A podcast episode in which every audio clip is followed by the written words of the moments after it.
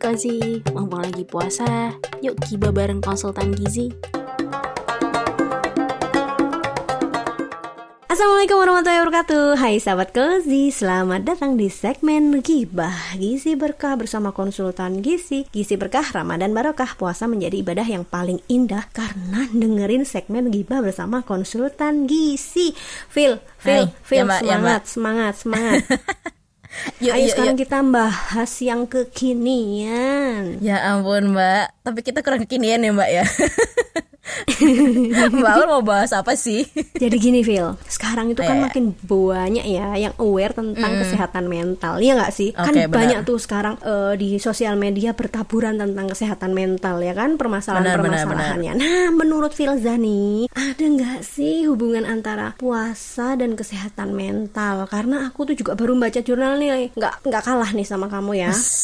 Luar Mm-mm. biasa Katanya memang ada hubungannya gitu loh antara pola makan dengan kesehatan mental. Nah, aku kan jadi penasaran. Kalau puasa ini kan Hmm. pastinya ada sedikit perubahan lah ya untuk pola makan kita. Nah, ini gimana nih? Oke. Pola makan, puasa, kesehatan mental. Nah, ini, nih gimana nih? Luar biasa, asli dah Asik banget Mbak Aul nih kalau cari topik gitu ya Emang Jadi emang bener sih Mbak Ada hubungan ya antara si pola makan kita dengan kesehatan mental Nah kalau sama puasa gitu kan Apakah ada hubungannya dengan kesehatan mental gitu Karena perubahan pola makan gitu ya Kita kulik hubungannya dengan kesehatan mental secara saintifik alias ilmiah Mbak Asik, Asik, asik.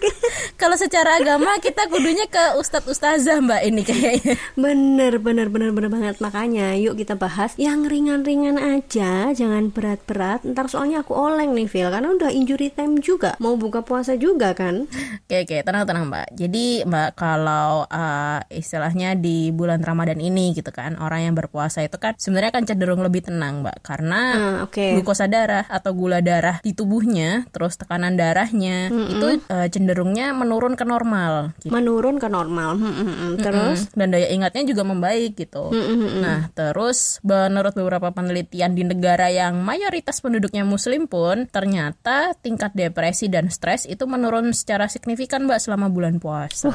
Masya Allah, ternyata efeknya positif ya puasa itu. Terus gimana nih? Terus gimana? Mm. Nah, tapi Mbak, mekanisme dibalik efek puasa pada emosi manusia gitu kan, itu sebenarnya masih belum jelas Mbak, masih butuh banyak penelitian. Oke. Tapi yang udah diketahui kalau sahabat kos ini kan pas puasa pasti ada yang namanya pembatasan makanan ya Mbak ya. Benar. Nah, pastinya dong akan mempengaruhi asupan energi sahabat kozi gitu kan, sehingga Betul, mm. akan mempengaruhi ketersediaan energi dan khususnya ketersediaan gula darah dalam tubuh kita. Nah, kalau kadar gula darah uh, di dalam tubuh kita itu sebenarnya ada hubungannya sama otak, Mbak, karena kadar gula darah dan otak itu uh, akan berhubungan uh, dengan suasana hati kita. Oke, lalu Nah, selama puasa nih Mbak, kalau berdasarkan hasil penelitian gitu kan, kadar gula seseorang itu akan lebih stabil pada saat puasa. Karena apa? Setiap organ tubuhnya itu bisa maksimal menggunakan gula yang kita konsumsi dari makanan. hmm, Jadi otak nih misalnya dia akan mendapatkan asupan gula yang cukup nih. Akhirnya kita bisa berpikir lebih jernih dan mood kita juga lebih bagus. Di samping kita nggak boleh marah-marah ya Mbak saat puasa gitu. nah tapi Phil, tapi Phil ya. Biasanya hari-hari pertama puasa itu kita itu suka senggol bacok gitu loh moodnya. Nah, ya ini Nanti sih senggol dikit, hmm, senggol dikit, hmm, kayak gitu. udah tatapan sinis gitu kan ya. Biasanya emang akan terjadi Mbak di awal-awal puasa karena sebenarnya tubuh kita tuh lagi mengalami penyesuaian. Beda cerita kalau sahabat Kozi atau Mbak Aul itu mungkin sebelum bulan Ramadan tuh udah terbiasa puasa sunnah nih, Senin Kamis mungkin ya. Oke. Jadi badannya Mbak Aul tuh udah mengenali polanya. Nah, kalau yang belum terbiasa puasa sunnah nih dan langsung uh, puasanya di bulan Ramadan, awal-awalnya akan mode senggol bacok tuh Mbak moodnya.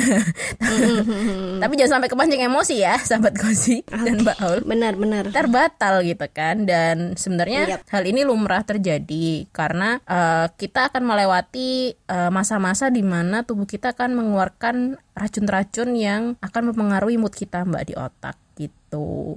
Nah kalau udah beberapa hari puasa, racun-racunnya atau zat-zat yang nggak penting ini udah keluar dari tubuh kita, otak akan mendapatkan uh, zat gizi gitu ya dari tubuh kita, ya kitanya jadi lebih bahagia moodnya. lebih lancar lah ya, lebih oke gitu Iya. ya.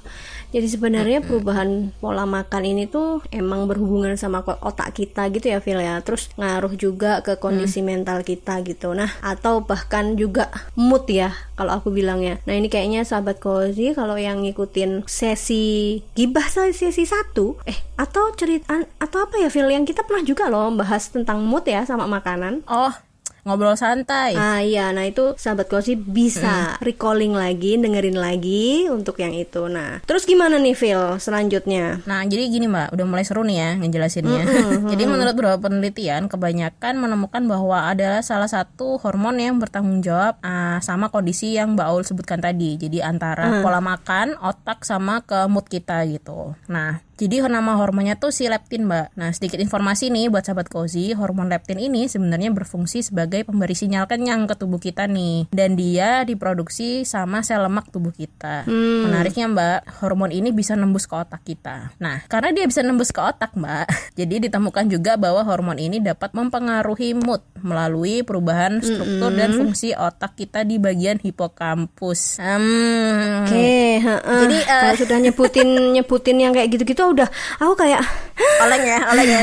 Eh, Gitu. Jangan oleng dulu, jangan oleng dulu. Jadi enggak enggak kok, cuman menghela nafas aja.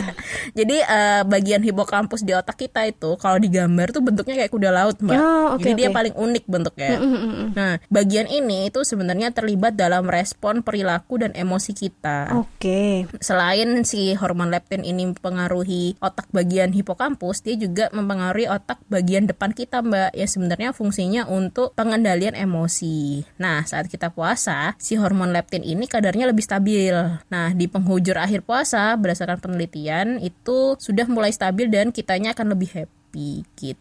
Mbak dan beberapa penelitian pun juga menunjukkan bahwa puasa bagi individu dengan depresi ternyata saat akhirnya bisa lebih happy dan lebih stabil moodnya. Wah, jadi sebenarnya puasa itu masya Allah ya manfaatnya ya buat kestabilan mood dan menarik banget loh. Thank you loh Phil. Semoga informasi kali ini bisa menambah wawasan sahabat Kozi ya bahwa puasa ini ternyata bisa menyeimbangkan mood kita. Jadi kalau seumpama ngerasa mood swing nih, bisa nih dicoba puasa kayak gitu. Nah untuk informasi menarik lainnya seputar gizi dan bulan puasa, stay tune ya sahabat Kozi. Saya Aulia dan rekan saya Filzah pamit undur diri dulu. Sampai ketemu di segmen gibah lainnya. Gizi berkah bersama konsultan gizi. Gizi berkah, Ramadan barokah. Puasa menjadi ibadah yang paling indah karena dengerin segmen gibah bersama konsultan gizi. Wassalamualaikum warahmatullahi Salam jiwa, anti mitos dan hoax.